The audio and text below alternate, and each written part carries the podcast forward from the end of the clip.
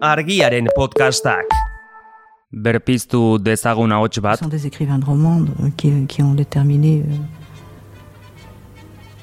pour moi la possibilité d'écrire des, des, des écrivains de romans, particulièrement ceux du nouveau roman.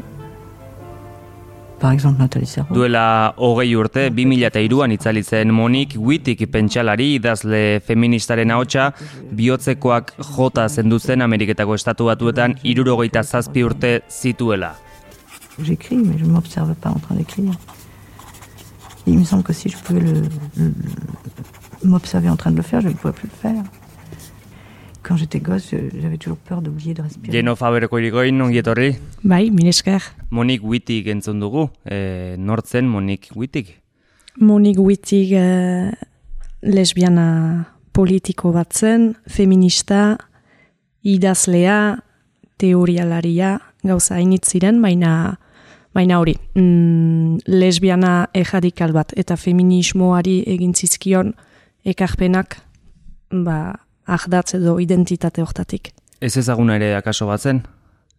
ez ezaguna zen edo ez ezagun mantendu zuten, egia da garaian eh, egiten zituen ekarpenek ez zutela baita espadalekurik, iraultzaileak zirelako, eta orduan uh, egia da zailtasunak ukan zituela bere, bere proposamenak leku aiteko, eta besteraino nun aldein behar izan zuen estatu batuetara, eta han atseman zuen lekua. Baina gaur egun, hogei urte zendua dela, mm, sekula maino gehiago ezagunak dira bere teoriak, bere proposamenak, bere testu literarioak, eta beraz bada norbait ezaguna bai.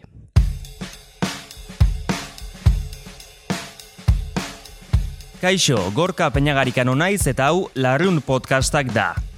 Hilero, argiarekin banatzen den Larrun aldizkariari ahotsa jarriko diogu.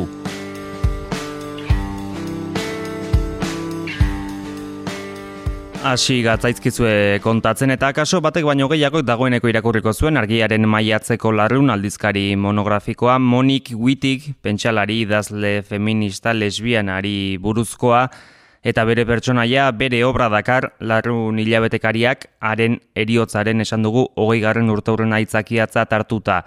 Egin dezagun, eduki horretara hurbilpen moduko bat, Genofa beroko irigoin egila lagun hartuta, aipatzen zegun, aipatzen zen egun Genofa, eta aipatzen duzu testuan bertan ere, genero eraikuntzaren baieztapena nola ere, ba, oraindik egiteko zegoen garai horretan, oraindik ere ba, oso apala zenean, Wittigek ez sartu zuela sexu bereizketaren afera. Bai, hori da. E, kokatu behar gira garaian, gira behoita margajen amarkada, irurogei gajen amarkada gehiago, eta orduan e, bada mugimendu buitik frantzian eh, sortu zen, eh? frantzian kokatzen da bere gogo eta politikoa hasieran behintzat, eta orduan irurogei gajen amarkada bukaeran, bada bigarren feminismoaren bigarren olatua deitzen den mugimendua frantzian, baita Ipar Euskal Herrian ere esendi dena pixka bat, eta orduan generoari begira da gehien bat mugimendu feminista, Hojoi gira mila behatzen eta behoita behatzean uh, esaldi ospetsu hori badugula, emakume ez da emakume sortzen egin egiten da. Eta berak, orduan, mentalitateak hortan dira, mugimendu feminista hortan da, gauzak aldatzen entxatzen dira, frogatzen generoa eraikia dela eta behar des eraiki behar dela. Eta testu inguru hortan badugu monik guitig, uh, be urratz batu junago doana, eta berak egeiten du, sexua ere e, eraikia dela, sexua ere eraikuntza bat dela, eta beraz generoa eta sexua bere izte hori ez dela baitez bada ongi etorria, azkenean e, zapalkuntza sistema bat behmatzeko bidea ere delako. Orduan hau da bere proposamen iraultzailea, erratea genor, generoa bezain bat eraikia da sexua, sexua berez ez da existitzen. Beraz, bi bereizketa dira edo bereizketa bakar bat da. bi, bi bereizketa horiek lotua dira. Hmm. Beretzat, berak ez, du, ez, du, ez ditu nahi bilak bereizi, zeren ejaten du, alde batetik ejaten dugu generoa eraikuntza bat dela, kulturala dela, deseraiki behar dela ongi, Baina horrek, ejan nahi du, seksua gauza natural bat dela e, gure baitan duguna biologikoa eta beraz ezin daitekela deseraiki. Eta seksua ez, ez balin bada deseraikitzen ahal, oinagian edo horrek bermatzen duen sistema zapaltzailea, oda patriarkatua eta heteropatriarkatua, mm, azkenean naturalizatzen dela. Eta berak ejaten du, bere esaldi bat da, seksurik ez da, seksua bada zapaldua eta zapaltzailea badagoenean. Opresioak dakar seksua ez da alderantzizkoa. Hau da bere kokapena. Emakumea beratz, ez posiziotan kokatzen zuen, aipatzen dut, artean e, gizonezkoen menpeko persona gisa, ez? Bai, odon, bere proposamena eta erabat iraultzailea eta feministen artean ere mm, geha txikiak eraginen zituena, beretzat emakume kategoria ez da existitzen. Uh, Ejan behar da, Monik Wittig eta bere inguruko lagun batzuke, direla feminista, feminismo materialistaren oinagian, haiek goguetatu eta haiek landu zuten proposamen politiko hori, eta orduan feminismo materialista zer da, mm, eiten du femi, genero eta seksu banaketaren irakurketa marxista bat. Nahi bozu, marxismoaren gisa klase ikuspegitik begiratzen dio, konparatuz, ba, bakigu burgesiaren klasea, langileriaren klasea, kasu hortan ejaten du badira bi klase bada gizonezkoaren klasea, eta bada emakumeen klasea. Beraz, emakume berez ez da existitzen, da eraikuntza bat sistema zapaltzailea behmatzeko. Orduan, bere, bere proposamena da emakume klase hori behar dela desage jarazi, hau da bere proposamen iraultzailea, hortik gizon klasea desagertuko delako eta hortik sistema heteropatriarkatua desagertuko delako. Tartean heterosexualitatea e, politizatu beharra ere aldarrikatzen du bere obran, beno pixka bat homosexualitateari begiratuta ez astapenetik e, sarri bat denok heterosexuala garela eta halako printzipio hori aurre egiteko, bueno, entzindarietako bat bintzat izango da, ez? Ah, era bat, era bat. Janai, e, Agian gau, gau egungo begiradatik eta testu ingurutik begiratuta ezkira hartzen edo zailtasuna gehitugu zinez irudikatzeko zer ekartzen zuen bere gogoetak baina garaian, uh, irurugei garen amarkadan, irurugei tamar amarkadan, berak aterako du liburua lekor lesbien, mm, gorputz lesbikoa. Hori duela behoita urte. Bo, duela behogeita urte, Frantzian eta beraz Ipar Euskal Herrian, kondutan hartu behar da uh, homoseksualitatea delitu bat zela, zigortua, homoseksualitatea zela eritasun bat, buruko gaixotasun gisa sailkatua zela, hori guztiak enduko zen, baina François Mitterrand alderdi sozialista pasako zelarik boterera, laro eta bian uste dut. Beraz, garaian, testu ingurua hori da, uh, heteroseksualitatea Ez da izendatzen ere, da gauza bat denetan dena, ez da galdekatzen, hor da, berez doa, eta gero, mm, baitu homoseksualak, ebe gaixorik direnak, eta zigortu behar direnak. Hau da, e, testu ingurua. Eta hor testu inguru hortan, berak egiten duen proposamena, zinez interesgahia da, eta gainera, gaur egungo begiradatik ikusten dugu, zekarpen egin duen, baina bera izanen da, e, teorizatuko duena, eta ejanen duena, heterosexualitatea eh, ez da soilik desira bat, deia izendatuko dugu, bat, mhm. eta hori sekulakoa zen, garaian etzen izendatzen ere, denetan zen, eta etzen izendatzen, beraz izendatuko dugu, bi ez da bakarrik desio bat, ez da desira sexual bat, da antolaketa politiko bat, e, eta berak izendatuko du, la panse straight, e, euskaraz pentsamendu heterozuzena, horrela izan datzen du hori, eta erraten du antolaketa bat da, antolaketa politiko bat da, sistema bat da, eta ez da bakarrik desira bat. Eta orduan bere gogo eta hori jendeak nahi bali madu gehiago sakondu, jakin behar da 2000 eta eskertzekoa da, susak euskaratu zuera bere mm, liburu importantenetariko bat, e, pentsamendu heterozuzena. Beraz, susak argitaratutakoa, irakurgai dugu euskaraz eta ta hor bada zehaztapen gehiago. Autopolitikoak egiten zuen berak ez, e, lesbiana izateko, bolera izateko, hortan bideratzen zuen diskurtsoa. Bai, ba, berak ejaten zuen helburu baldin badugu sistema heteropatriarkatua desage jaraztea, horrekin bukatzea, lesbiana izatea da bide bat. Zeren, ejan dutan bezala, bere ikuspegitik bi klase bat dira, emakumea gizonezkoa, eta sistema bat behmatzen du horrek. Eta sistema hori da hetero arauarena. Heterosexualitatea, heterosozializazioa deitzen zuen berak. Eta orduan lesbiana izanez, desobeditzen da hori, zeren emakumea, ba, emakumea desagerrazi nahi duen kategoria hori, eh? baina emakume izate hori desagertzen da lesbiana izanez, zeren ez duzu parte hartzen gizon emakume osaketa hortan, nun uh, azkenean emakumea menperatua den gizonaren partetik. Eta orduan bai beretzat uh, proposamen eta bide irautzailea zen uh, lesbiana izatearena. Garaira eraman da, ordura, orduko frantziara eraman da, delitua zela ipatu duzu, ez dakit, berak nola bizi izango zuen hori barnetik, e, asko aipatzen da ez, bueno, jazartua zara, baina aldi berean ere publikatzen zituen alako obrak.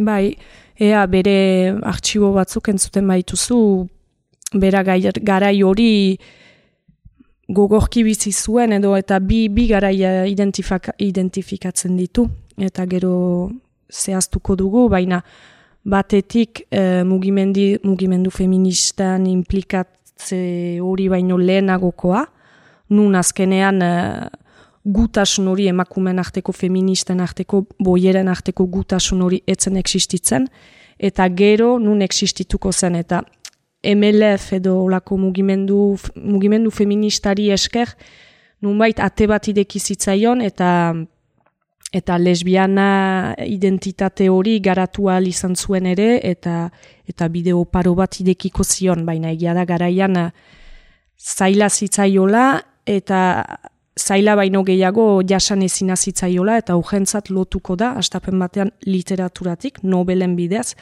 eta gero gehiago aurkezpen edo proposamen teorizatu batzuekin, naiz eta biak juntatzen diren bere nobeletan, eh? baina landuko du etengabean olako proposamen bat etero arauetik at diren komunitate edo sistema batzuen eh, planteamendu batzuk. MLF emakumeak askatzeko mugimendu aipatu duzu, entzungo dugu Monik Wittig, MLF-i buruz. Comment l'écriture était pour moi un, un symbole de, séduction d'une femme sur une autre femme, si tu veux. Mais euh, ma vie à ce moment-là était bien différente, puisque je vivais absolument dans un monde euh, banal et normal, enfin, où il y avait des hommes et des femmes, et où la situation était extrêmement pénible et difficile, puisque je sentais que je n'existais pas pour les autres femmes. Et ça, été la chose la plus douloureuse que j'ai vécue, tu vois. Emakumeak askatzeko mugimendua MLF-eri buruz ari da, eurrek markatu zuen ez, e, bueno, aurrera pauso bat, e, prozesu guzti honetan? Bai, MLF eta zari da, edo MLF-ek ekajiko zuen aldaketaz e, giroan eta bere egunerokoan. MLF mugimendu feminista, e, MLF, Mouvement de Libération des Femmes, frantzesez, Horren sortzaileetan uh, izan entzen eta horren uh, ba, lehen lehoan egun entzen, estatu batuetara joan arte. Eta egia da, uh, hori baino lehenago, maiatzak, uh, iruru eta sortziko maiatza ginuen, frantzian uh, iraultza soziala eta politikoa eragin zuen uh, mugimendua. Hortan implikatu zen azkarki monik guitig, baina laister sentituko zuen azkenean olako mugimendu idautzaileetan emakumean emakumeak jasaiten zuten zapalkuntza etzela bat ere lehentasunetan ugen kontra jokatzea. Lesbiana gisa ez da ipatzen ere gutxiago. Bai oraindik gutxiago. Eta orduan laister dituko zuen beste batzuekin modu ez mistotasunean antolatzeko beharra eta mugimendu feminista sortzeko antolatzeko beharra. Eta orduan, hortik hasiko zen, biskat, mai, eta sortzeko maiatza jasandakotik sortuko zuen mugimendu hori, eta hor, ba, hor eramanen zuen bere biziko bojoka. Asta benetan leku gutxi zuten alako pentsamenduek eta? Noski, e, ea zen mugimendu marxismoa azkaja zen edo hainitz garaiko Pariseko hainbat egituretan uh, irakurketa hori klasearen eta biziki indartsua zen. Eta bazen e, gaur egun ere badena, baina ideia zen kapitalismoa desegiten baldin bada, orduan beste zapalkuntzak ere desagertuko zirela, eta feminismo materialistarekin urjunago joan ziren, edo bide ezberdin bat hartzen zuten, berentzat etzen kapitalismoarekin dena desagertuko, eta bazen behaja e, burgesia langileria klase antolaketa hori bezala, gizon emakume klase ikuspegia ere lantzeko behaja bazen, eta hortik eramanen zuten haien gogueta. Ez mistoan antolatzen hasita, Jenofa, noruntze jo zuen, gero estatu batuetara egin zuen alako iesaldi bat, ez? Bai, iesaldia baino gehiago, han nahi nintzen bere bizia. Irurogeita maseian joan behar izan zuen, justuki MLF-en baitan zituzten desadostasun politikoen gatik. E, bi ziren, bi desadostasun potolo zituzten. Noski monik proposatzen zuen uh, proposamena, hau da emakume identitat, emakume kategoriaren bukaera horrek sekulako lugikar, lugikara eragin zuen uh, mugimenduaren baitan, azken finean MLF-en subiektu politikoa emakumea zelako, eta horrek galdatzen zuen hori ba horrekin bukatzea, eta gainera uh, heterosexualak nagusi ziren MLF-en, eta orduan haien posizioari begira jartzea ulako kritika bat eitea eta ulako aldaketa bat galdatzea hainitzen zat gehiek zen eta biziki bortizki erantzun zioten. Hori bat zen eta gero beste desadostasun potoloa edo zen bazen mugimendu bat MLF-en baitan e, psikepo deitua, psikologia politik eta nunbait fiteiteko eta labur-labur azaltzeko mm, bazuen kutsu esenzialista bat edo sen, mugimendu horrek edo irakurketa honek sinesten zuen edo proposatzen zuen mantentzea emakume kategoria, baina bestelako oinahi batzuetan finkaturik. Orduan noski batek kategoria horren bukaera galatzen zuen, eta besteak mantentzea behikustea. Eta hor ere sekulako talkazen, eta munik muitigek biziki bortizki bizitu zuen hori, eta numai desesperazioan uh, joan behar izan zuen, uh, erabaki zuen aldegitea estatu batuetara, eta handik hasiko zen bere gogo eta politikoa lantzen, idazten, hausnartzen, zabaltzen konferentzien bidez, liburuen bidez, eta handik eginen zuen bere bidea eta etzen itzuliko frantziara. Bere obrak badu isladarik gaurko egunean, gaur egungo borroketan? Bai, bai, bai, bai, mm, garaian baino gehiago, badu edo bere hojetan, Eh, segitzen du biziki aktualitate aktuala izaten bere proposamenak, azken finean sistema heteroat arautuan girelako oraindik, bada garaian baino leku gehiago bere irakurketaren zat, eta gero noski bere irakurketak beste mugimendu edo gogo eta batzuk ideki ditu ere, besteak beste kuir eh, mugimenduan edo, edo ezbinarismoan, mm, Ejan behar da, laro gita margarren markadatik behitzartuko zuela loraldi bat, eta geroztik etenik gabe garatu dela bere gogueta. Garaian atera zuen uh, Judith Butlerek Trouble dans le genre, uh, Euskaraz ere duguna, mm, antzia dute Euskarazko titulua, baina baina hori, uh, Judith Butleren liburu hortan kapitulu batean hartzen du behitz monik witigen uh, proposamena, uh, heterosexualitatea antolaketa politiko bat dela, sistema bat dela, eta orduan Judith Butleren gogoetari esker edo behitz, behitz plazaren erdian ezagian, baina behintzat behitz plazara etorriko zen monik witigen gogoeta, eta eta egia da hogei urte pasa direla bere eriotzetik, orduan badira aurten erreportai, ihati saio, hainbat bidetatik uh, bada mamia monik witig ezagutzeko. Hogei urte hil zela eta behoita urte lokor lesbian liburu atera zuenetik. Mhm, pentsamendu hetero arauaren liburu aipatu duzu, obra gehiago ere bazituen. E... Bai, bai, bai, bai, obra hainitz baitu, hogeita bederatzi urterekin atera zuen lehena, lopoponax, mediziz saria jaso zuen horrekin, medizisaria Frantzia mailan ezaguna da eta aitortza potoloa da, nun baita eh, idazle behiak edo begiztatzen dituzte eta beraz bide bat irekitzen du sari horrek. egia da e, lopoponak zekin saritu zutela eta gero e, ba, saritze edo ikusgarritasun gutio kantzuela.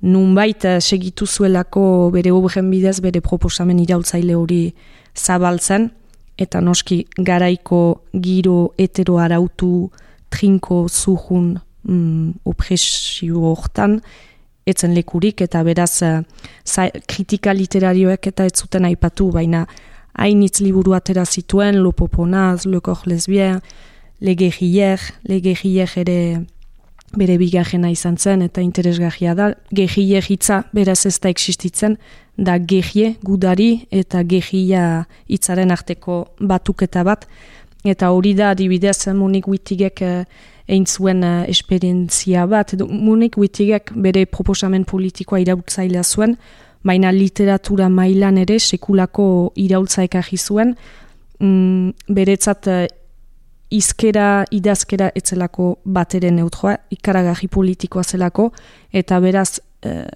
emakume gizon kategorien apurtzeko bidean, izkera bazelako bide bat. Orduan idazteko prozesuan, behar zen etengabean gogoetatu eta beste bide bat johatu, ez da egetxa, baina berak ogela bizitzen zuen idazteko prozesua, eta orduan bada bere liburu guztietan senditzen da azkenean bere proposamen politikoa, bai ideietan kontatzen duenean, baina baita aukeratzen dituen hitz, erreferentzia, giro, istanteetan, mm sekulakoa da, ekarri zuen ba, aire apurtzailea. Mhm. ba, gehiago sakondu nahi duena, kortxe dauka, larun aldizkari monografikoa, argiaren maiatzeko azken alearekin kaleratu dena, tartean dira, Eba Perez Ponsen iritzi artikulo bat ere bai, elkarrizketa bat, ere bat mamitsua jenofa, mila esker azalpen hauen gatik. Mila esker, zuri. Argiaren podcastak. Podcast hau libre eta doan zabaldezakegu argiaren komunitatea osatzen duten milaka lagunek proiektua diruz babesten dutelako. Zuk ere kazetaritza independentea bultzatu nahi baduzu, egin zaitez argiako kide.